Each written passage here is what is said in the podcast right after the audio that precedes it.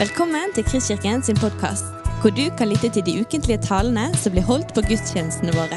Vi håper denne podkasten vil inspirere og utfordre deg til å kjenne Gud, elske mennesker og tjene vår verden. Martin Kay, for deg som ikke kjenner meg. Jeg er med i Immekirka i Stavanger, hvor jeg er med i pastorteamet der. Og har min glede av å være en del av det Gud gjør i denne verden. Helt spesielt utrolig takknemlige. Eh, jeg har fått et tema eh, av Håvard, og eh, antydningsvis så jeg vil opp til det temaet, så får vi se hva det blir ut av det. Men, men, det er jo sånn det er vet du, når du har folk som kommer utenifra. Nå reiser jeg med fly i ettermiddag, så sånn sett får dere ta det opp med Håvard. Men, men en, en, kort historie jeg, var rett og slett usikker på om jeg hadde fortalt den historien før. Men om dere har hørt han før, så er det så farlig. Gode historier kan alltid fortelles to ganger. Historien er som følger. Bill Clinton, tidligere president i USA, og Hillary Clinton var en dag på kjøretur. Eh, det var før Hillary eh, søkte nominasjon og ville bli president. Så var de på kjøretur, hadde lurt FBI og var nedover highwayen. Og så var det slik at de trengte eh, noe mer bensin på bilen og kjøre inn på en bensinstasjon. og der står Bill til forandring, fyller opp bensin på bilen sin. Og, og så ser han at uh, Hillary er inne i uh, uh, huset, bensinhuset hvor bensinstasjonsmesteren holdt til. Og så oppdager han at de har sånn en litt unaturlig og varm omfavnelse. Og han syntes dette var litt sånn type overkant. Og så lurte han på hva dette her var for noe. Eh, så ender han opp, han betaler, de kjører over veien. Og så spør han du, eh, hvem var det der? Det var, det var veldig varmt da. Ja, det var ungdomskjæresten min. Å ja, sier du det, sier han. Ja. Og så kom det etter en stund fra Bill Clinton at ja, hvis du hadde blitt gift med han, så hadde du blitt altså bensinstasjonsmesterfrue. Nå kom det tørt ifra Hillary Clinton. Nei, han hadde blitt president.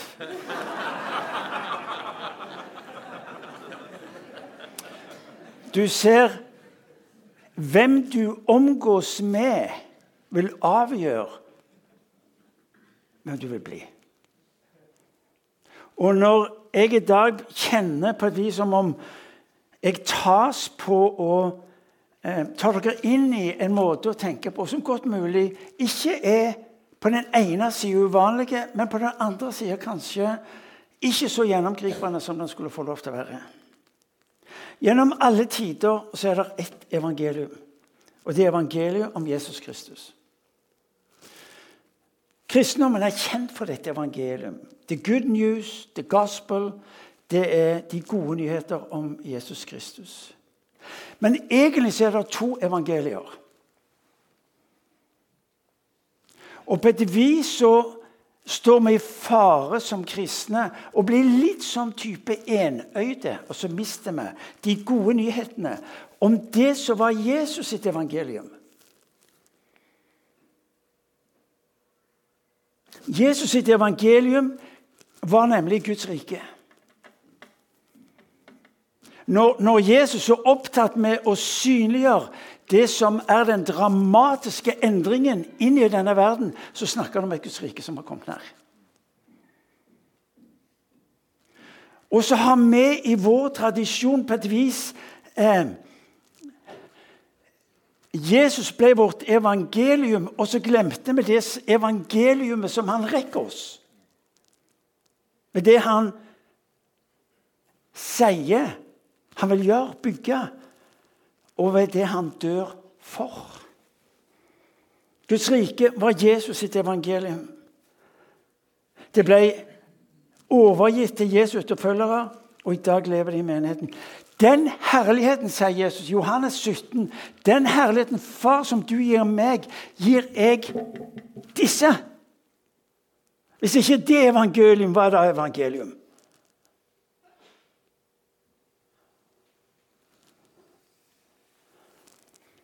Herligheten, alt det himmelen representerer, far, som jeg har fått ifra deg, gir jeg til disse mine.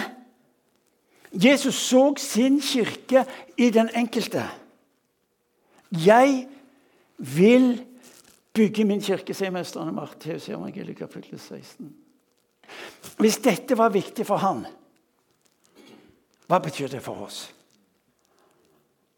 Var, var det det han så gjennom når han gjennomlider som han gjør, og når han senere står opp? Er det det han ser? Der vi kanskje nærliggende tenker himmelen, tenker han den kirka som han er opptatt med skal bygge. For at denne verden skal fare. At Guds rike har kommet nær. Dette er Guds evangelium. Ja, det er jo en tanke, i hvert fall.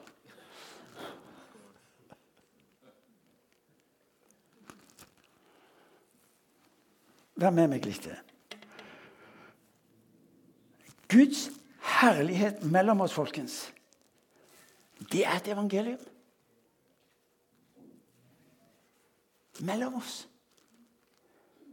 Alt det Gud Fader, alt det Jesus Kristus, alt det Guds ånd representerer mellom oss. Og Det er definitivt ikke anspent herlighetsteologi. Det er en proklamasjon fra mesteren sjøl. Jeg vil bygge min kirke. Og den kirka skal få lov til å bære preg av at det er meg som bygger den. Og noen mennesker er med på. Jeg kunne jo sagt halleluja, men det er greit dere kan ta det litt senere. Du, hør nå. hør nå. Ved siden av frelse for enkeltmennesker er altså kirka det mest, mener jeg, ut ifra Guds ord, det mest radikale som har skjedd inn i denne menneskeheten. At Gud den allmektige stiger ned. Jeg har hørt, sier han i Esaias og Exodus, andre Mosebok, kapittel 3. Jeg har hørt deres skrik, og jeg har steget ned. Og ble værende. Gud er ikke en Gud som er på besøk. Han blir værende.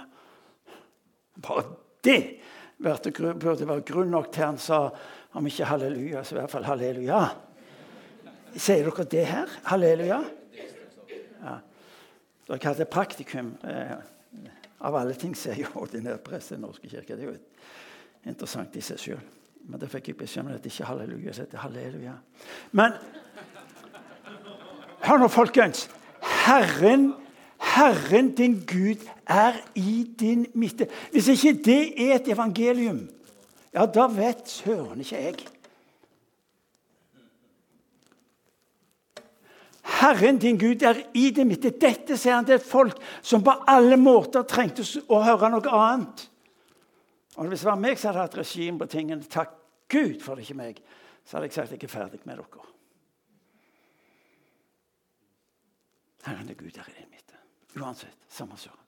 Herren er Gud er i det midte. Der hvor to eller tre er samla i mitt navn, der er jeg til stede med min herlighet. Jo da, vi har til viss grad en type kunnskap om Guds rike, evangeliet. Men, men, men vi har altfor vi har også altfor fort ferdig med hele dette nedslaget av Guds rike mellom oss. Kirke er ikke primært hva vi gjør, men at Gud er til stede. Når, når, når du blir spurt om hva, hva er for noe, så vil du fortelle hva vi gjør. Men hør nå, det interesserer jo folk midt på ryggen. Vårt barnearbeid må enn hvor glimrende. Ja, men det gjør jo Røde Kors òg. Ja, men Lions driver jo òg med humanitært arbeid. Altså Alt det vi snakker om, at det vi gjør, gjør de andre òg. Hvor mange av de gjør det bedre enn oss? Hvorfor kirke? Hvorfor kirke Det er spørsmålet folk spør fordi Gud har steget ned. Hvorfor kristkirke? Fordi Gud har steget ned. Det er to diametralt motsatte måter å tenke på. Fordi det er ikke hva vi gjør som beveger våre omgivelser, men det er hvorfor vi gjør det. Bevegelsessenteret sitter ikke der oppe, det sitter i hjertet vårt. Hva vi gjør i informasjon, hvorfor beveger oss. Hvorfor kristkirke? Jo, fordi Gud er her.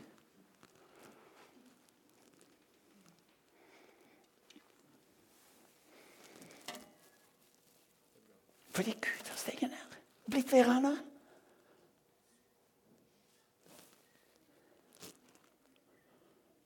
Evangelium er godt nytt. Et sted, et nytt folk, familie. Gud er her med alt. Har vi mista noe her? Har, altså, har vi redusert redusert kirka til et nyttig redskap? Har, har vi redusert kirka til et spørsmål om aktiviteter, de rette aktiviteter? Og så har vi mista den dimensjonen. Det er allmaktens Gud som er her. Allmaktens Gud. Når David, når, når David i Salme 27, vers 3 befinner seg i livet hvor han er pressa, hvor fienden er det som på et vis eh, leirer seg opp omkring ham, så sier han i Salme, 4, Salme 27, vers 4 så han, Én ting ber jeg Herren om. Én ting er maktpåliggende for meg. Dette er det jeg ønsker, å få bo i Herrens hus alle mine dager, så jeg, kan, så jeg der kan se Hans skjønnhet. Da kan han sagt en ting bedre. La meg få lov til å være i Kristkirka. La meg få lov til å være i Kristkirka, så jeg kan se Herrens herlighet ved det folk han har gjort seg.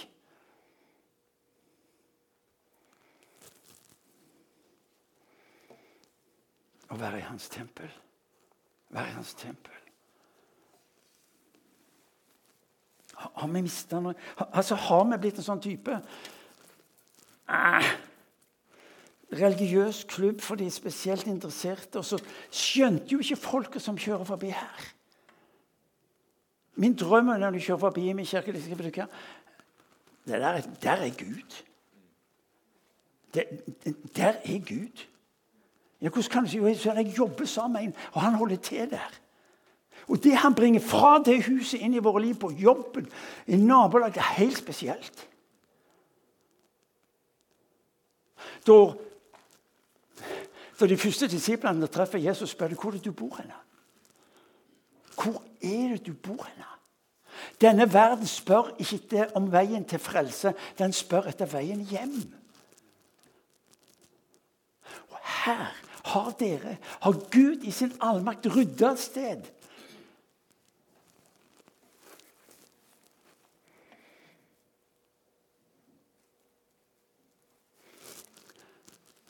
Vi, vi, vi, må gjøre Gud mer relevant for at denne verden skal forstå.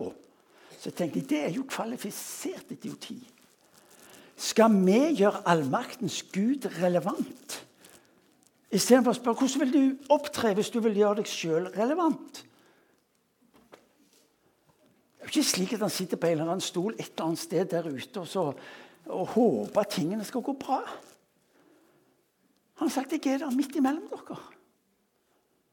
Og Det kan ha noe med vårt fokus og med vår forståelse av hva, hva det egentlig er en del av.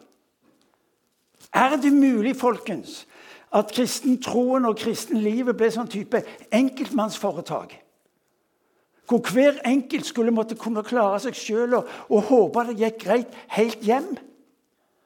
Jeg husker ennå det gjorde et dypt inntrykk på meg. Jeg tenkte kjære Gud, er det det holder på, jeg holder på med?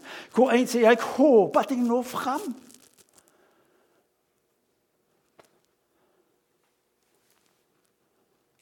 Ja, avhenger det av meg? Ja, men hvis jeg tryner og gjør alt feil, hvilket folk er det jeg tilhører? Jeg tilhører et folk som vil bære meg over linja.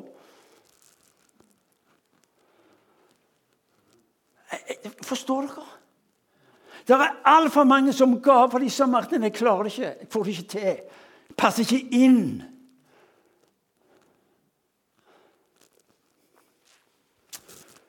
Det var så mange som ikke orka kjøre. Fordi de var ikke gode nok med sitt såkalt enkeltmannsforetakende. Min tro, min lov i livet, det jeg skulle gjøre, osv. Skal jeg si hører nå, om ditt liv går til helvete, det gjør ikke så farlig. Du er en del av en familie. Og den familien skal sørge for å bære deg helt hjem. Vår Herre er ikke en som opererer med metermål og så sier ok, du mangler 90 cm. Stå på, dette klarer Herren opererer ikke med heiarop.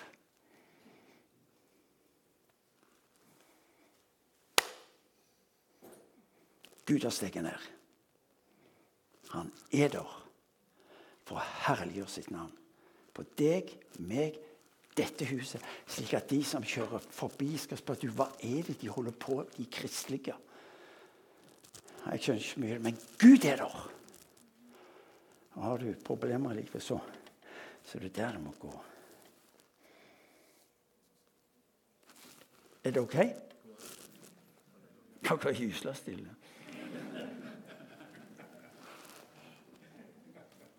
Ja, ja. Kan, altså, føles, altså, da står noe om å prøve det på ordet. Da, da står noen til de, osv.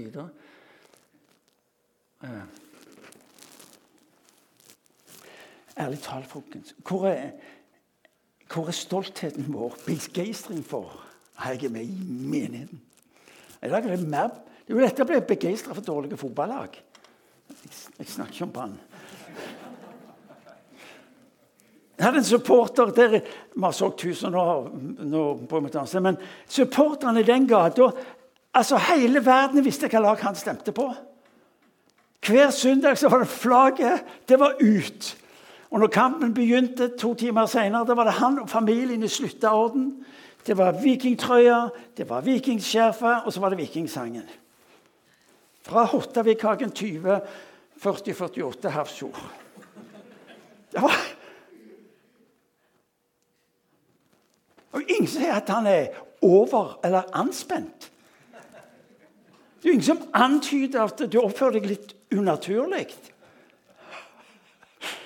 Ja, det er lettere å bli begeistra for eh, fotballaget. Altså, Supporteren han ville aldri finne på å reise på hytta når Viking skal spille kamp. Jeg har ikke mot den hytta som du har. Jeg har hytta sjøl. Men det er noe der. Hva er det folk ser? Vet du hva? Det folk ser i kirka, det er det de ser hos deg. Hmm, interessant. Trenger vi Og jeg spør og I denne menigheten er det så mye kloke folk at det er jo nesten fornærmelse å antyde. Men trenger vi en ny menighetsforståelse? At det er ikke primært at det er der de religiøse som mannen i gata sier kommer sammen og driver med et eller annet som ikke de skjønner noe av. Du ser det at eh, Hvis ikke du og meg har en forståelse av hva kirka er, så har vi heller ingen muligheter til å verdsette det vi har. Og det du ikke verdsetter for det det er, kan du heller ikke forvalte. Og det du ikke forvalter, det blir det ingenting av.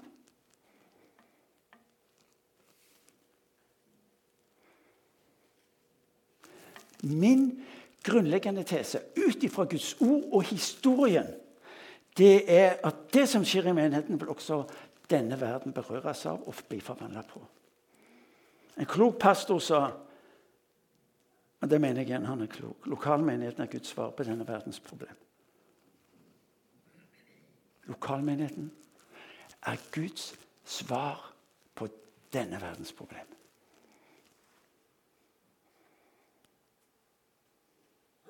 Slutt å klage på denne verden. Denne verden ser Paulus ligger i det onde. Den har egentlig ikke forandra seg. Den har litt sånn ulike uttrykk fra århundre til århundre, men i essens er den samme. Kirka må ikke bli kjent som et sted hvor vi unisont beklager oss over denne verden. Når Gud har gitt oss muligheten til å forandre denne verden ved at Han har steget ned og blitt værende. Vet du hva? Der, der, der, er jo noe der som Dere, dere tar det. Jeg har vokst opp med denne kampen om 'kom til oss kirke' og 'gå ut kirke'. Det er liksom helt tullete. Det er klart jeg kom til oss kirke òg. Folk vil gjerne hvor, hvor du bor henne. Hva er det du holder på med? Hvorfor? Hvis det er slik som David sier, hvis, hvis jeg bare får være i ditt hus og se din herlighet Det må jo være en megaplass for de som ikke kjenner Gud, og skal få lov til å komme inn. Det er jo noe langt mer når du kommer inn i huset til Cave. Så det, det, det er en spesiell atmosfære her.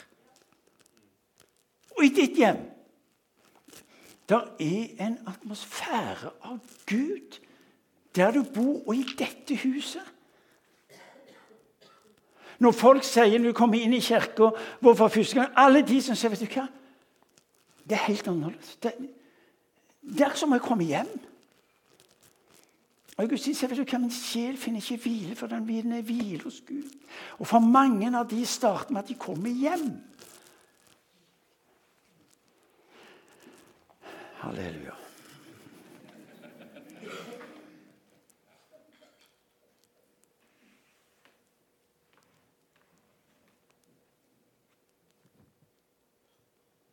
Menigheten Jerusalem, Apostelens gjerninger, kapittel 2. Det virker ikke som de drev med særlig mye kirkelig aktivitet. Altså, Ut ifra hvordan vi leser. Da står de møttes i huskirka, og så møttes de på gudstjenesten. Hver dag. Møtekondis ja, den må ha vært eh, utvikla på et høyt nivå. Men de forvandla byen. De forvandla det romerske imperium. Hver dag. De forsto hvem de var. Erfaringen av Den hellige ånd er noe langt mer enn, eh, at det er såkalt Kirkens fødselsdag. Aldri, aldri skjønt dette begrepet. Pinse er at Gud stiger ned og blir værende på en sånn måte at byen sjokkeres, forvandles. Og det, eh, det imperium som de var en del av, velta de. Velta de. De forsto hvem det var. Josef, denne bortskjemte guttungen Nå leser man her i, i første Mosebok, siste del. Bortskjemt som bare juling.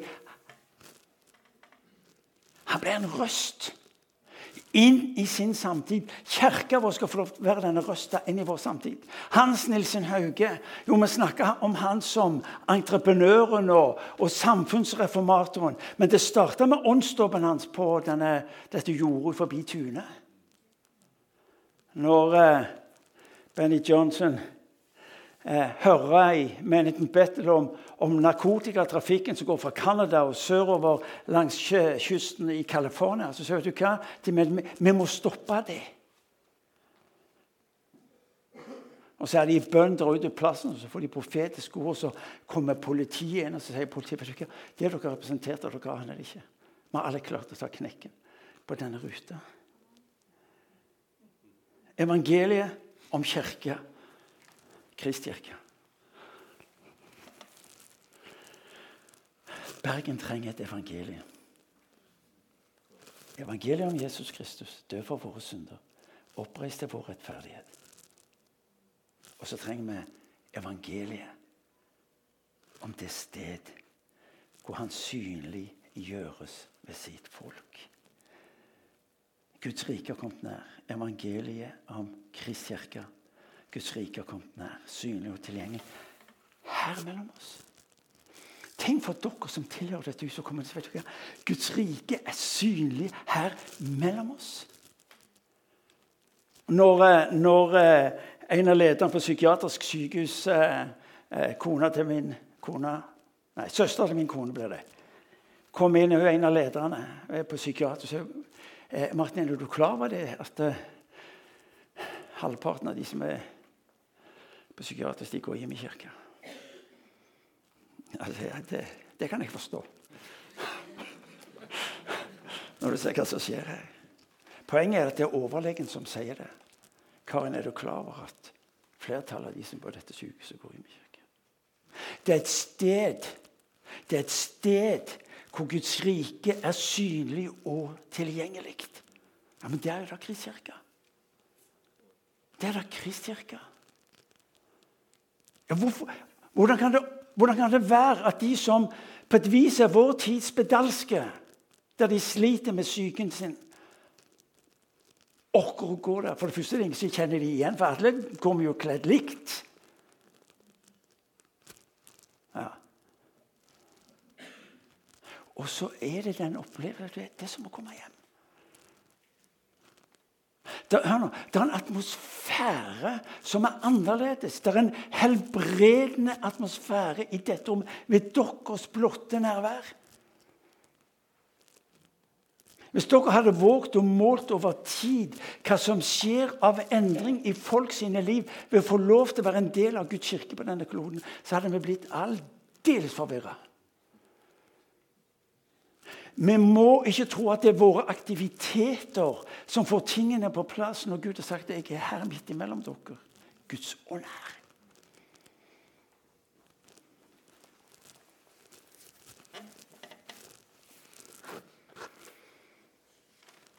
Hei. Kjekt å se deg. Ja, Den katten var fin, altså. Ja, det var det. Guds rike er kommet nær, synlig og tilgjengelig. Guds nærvær og manifestasjon. altså Når profeten i, i, i kapittel 6 i Jesajas bok sier jeg kom inn i ditt tempel, og så så jeg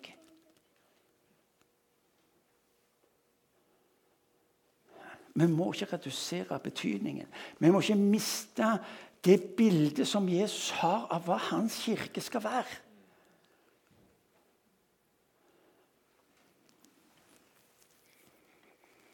Kristuslivet og Kristusegenskapene synlig og tilgjengelig. Ånden og kraften, retning og målet. Her står jo når Apostelens gjerninger, kapittel 4, når disiplene hadde vært i det forhøret, så kommer de tilbake. og så og så, og så, er de sammen, og så er det det der Gud vis dem. Vis dem hvem du er. Rekk ut din høyre hånd. La det merkes. La det merkes at du er Gud. Hør. Menigheten er det sterkeste uttrykket for Guds rikes nedslag mellom opp. Håp, frelse, fremtid, kraft, tro, frihet. Hvordan er det mulig fordi han er her? ved ordet og ved ånden. Ved ordet sitt og ved ånden. Bless you, madam. Jesus snakker om kirka. Jeg vil bygge min kirke.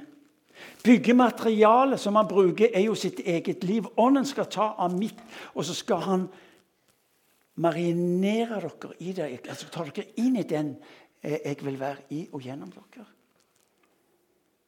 Det er han som bygger. Vær med på det som Gud gjør. Som han er i denne verden, er vi i denne verden. Romerbrevet 12,2 i message-oversettelsen 'Embrace what God is giving you. That's the best thing you can do'. Han har, han har ikke bedt deg meg om å være originale. Omfavn det jeg gir dere. Det er det jeg ber dere om å gjøre. Hva vil det si å være en kristen? Jo, det omfavner det Gud gir oss.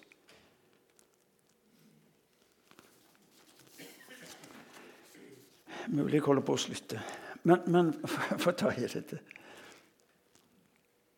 Bibelens disippelliv er uløselig knytta til kirka.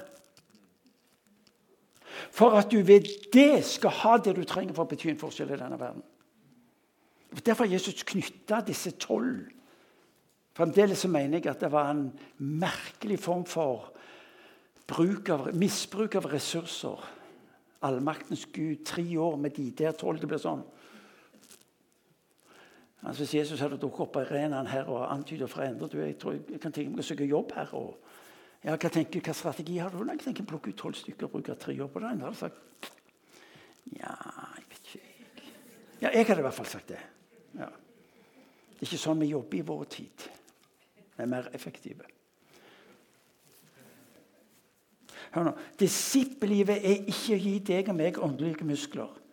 Men istandsatt til å bli en del av det menighetsteamet som Gud har etablert for å bli det bildet på denne kloden som skal forandre verden. Hvem er verdens beste fotballspiller? Jeg er helt enig. Enten så er det han fra Argentina, eller så er det han fra Jæren.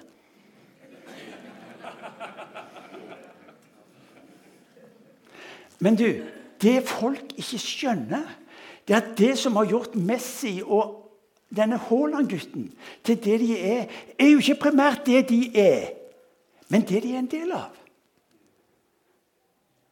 Det var ingen som hadde betalt Messi millioner av kroner om det ikke var fordi at et lag hadde hjulpet han og hjulpet han. Messi kan være verdens beste dribler, men om han står borti et hjørne og holder på å vippe med denne ballen, ikke noe imponerende ved det. Det er når han får lov til å være en del av et lag. Det eventyrlige skapes. Det er når han forstår seg selv som totalt avhengig av de som er rundt ham, at han skjønner. Og Så er det jo blodig og rettferdig at han skal tjene så mye mer enn de andre, men sånn er nå denne verden. Hør nå. Messi er god fordi han er en del av et lag. Du vil være det samme der du i din hverdag der ute får lov til å bety denne forskjellen. Men hvis du ikke forstår deg som en del av dette Og det er altfor mange som har gjort troen til dette det er noe jeg bærer sjøl. Vi er så ofte overlatt til oss sjøl, og så skal vi innfri Bibelens liv om annerledeshet og alt mulig. Og så går vi der alene og bærer og bærer og bærer så strever folk ikke til. Luther sier det seg fatter ikke hvordan folk kan klare seg uten menigheten. Ikke jeg heller. Ikke jeg heller.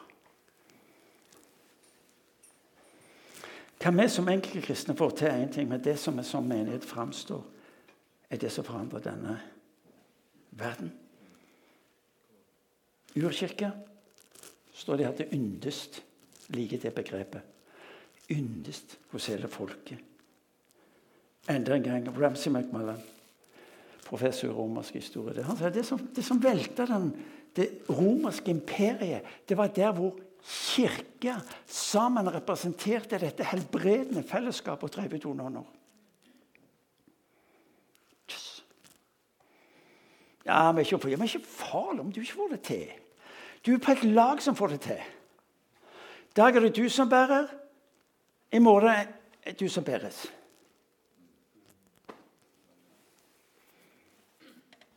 Det andre evangeliet.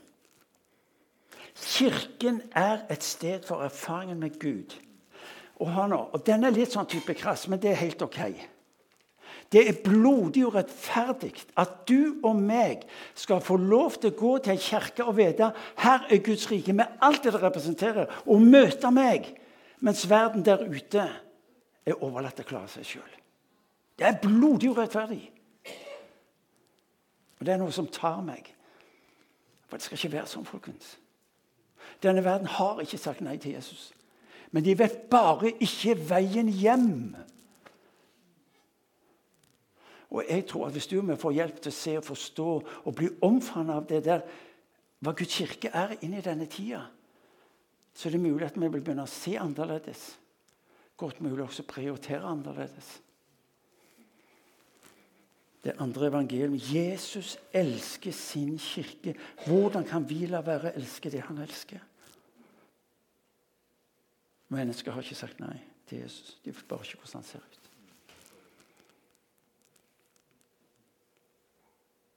Kirka er evangeliet til samfunnet. Guds rike tilgjengelig. Ikke den perfekte kirke. Men det sted hvor Gud har sagt at uansett hva som er din historie, din situasjon, så skal jeg være der med alt det jeg representerer. Ditt utgangspunkt for livet skal ikke være det du får til, men det du får lov til å være en del av. Han spør deg aldri om hva du kan, men hvem du vil være sammen med. I det ligger din og min fenomenale vandring. At uansett hva som er vår livssituasjon, så er han der midt i det. Og til tider når jeg går og surrer for meg sjøl alene, så blir det det Kjære Gud, la, la, meg få være i menigheten. Bare la meg få være der.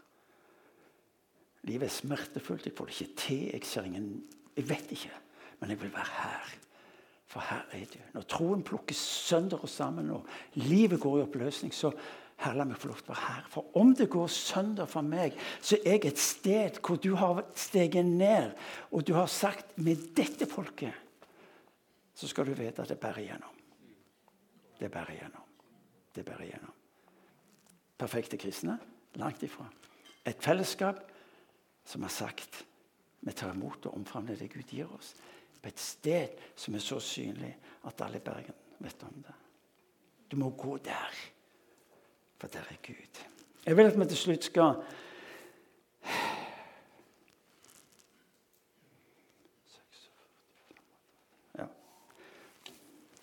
Hjemme hadde de sagt kona mi sagt nå kan du slutte. Men, men eh, du, hør, hør hva Guds ord sier om hvem kirka skal få lov til å være i denne tida. Vi skal sammen lese høyt og andektig fra Efeserbrevet kapittel 1, vers 17 til vers 23. Og vil vi skal lese det sammen, slik at vi også proklamerer at vi også proklamerer inn i våre liv, men også over våre liv, hva slags tanker Gud har for denne kirka i denne byen. Kan vi reise oss? Good. Og så skal vi prøve å be. Det er alltid krevende når mer enn to stykker skal be høyt, men det går bra. Jeg ber om at vår Herre Jesu Kristi Gud, herlighetens Far, må la dere få en ånd som gir visdom og åpenbaring, så dere lærer Gud å kjenne. Må Han gi deres lys så dere kan få innsikt i det håp Han har kalt dere til hvor rik og herlig hans arv er for de hellige, og hvor overveldende hans kraft er hos oss som tror.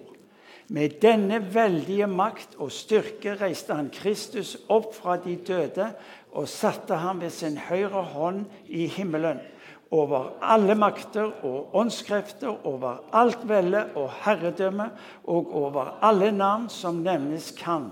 Ikke bare i denne tid, men også i den kommende. Alt la han under hans føtter, og ham, hodet over alle ting, ga han til kirken, som er Kristi kropp, fylt av Han som fyller alt i alle. Ga han til kirken. Jeg vil gjerne be en bønn, og så eh, eh, Det skal ikke være en bønn som utfordrer oss på hva du skal gi. For akkurat nå er ikke det så fryktelig interessant hva du skal gi. Men jeg tror vår Herre er langt mer interessert i hva han kan få gi deg. Når du og meg leser den bønnen, så leser du noe om det som er hans ambisjoner for sin kirke. Dette er ikke noen lykkeønskninger for Herren. Dette er hans ambisjoner. Dette er det han vil at vi skal få lov til å ta imot, for på den måten å være det annerledesfolket som er kalt til. Du betyr ingen forskjell i denne verden om ikke du og meg våger å omfavne det han gir oss. For i det ligger forvandlingskraften. La oss be. Herre hellige Gud, jeg takker deg fordi du, du steg ned, og så ble du værende. Herre, jeg takker deg for at du ikke definerte mulighetene ut ifra hvem vi var, og hva vi forsto, og hva vi var i stand til å utføre. Men du sier jeg stiger ned fordi at jeg elsker. Og jeg skal elske inn til enden så takker jeg deg, Herre, for denne kirka og folk i dette huset, Herre. Som du har knytta hele ditt rikes innhold til på en slik en måte at vi mangler ingenting. Hvor vår bekjennelse skal få lov til å være alt er mulig for Gud. Hvor vår bekjennelse skal være at der, det som ligger foran oss, det, det har du fra himmelen kontroll på. Hvor du sier at uansett endringer i samfunnet og i denne verden, så sier du vær ikke bekymra. Tro på meg. Å tro på Gud folkens, betyr å ta imot det han gir deg. Det er ikke primært en intellektuell sannhet. Så Herre, vi, vi ønsker som ditt folk å omfavne det du rekker oss, og ber Far, fullfør det du har begynt på. La dette sted, Herre, få være dette huset, denne kirka, som, som bare sender folket ut kontinuerlig fordi de henter kraften fra deg og ditt hus. Far, jeg ber om det. Herre, vi opphøyer ditt navn. Vi takker deg. Og vi gleder oss over å se det verk du skal gjøre i og mellom oss i dag og tida som kommer. Lovet være du, Gud. Amen. Du har lyttet til en podkast fra Kristkirken i Bergen. Vi håper du har blitt inspirert og utfordret i din vandring med Gud. Vil du vite mer om oss, så klikk deg inn på kristkirken.no.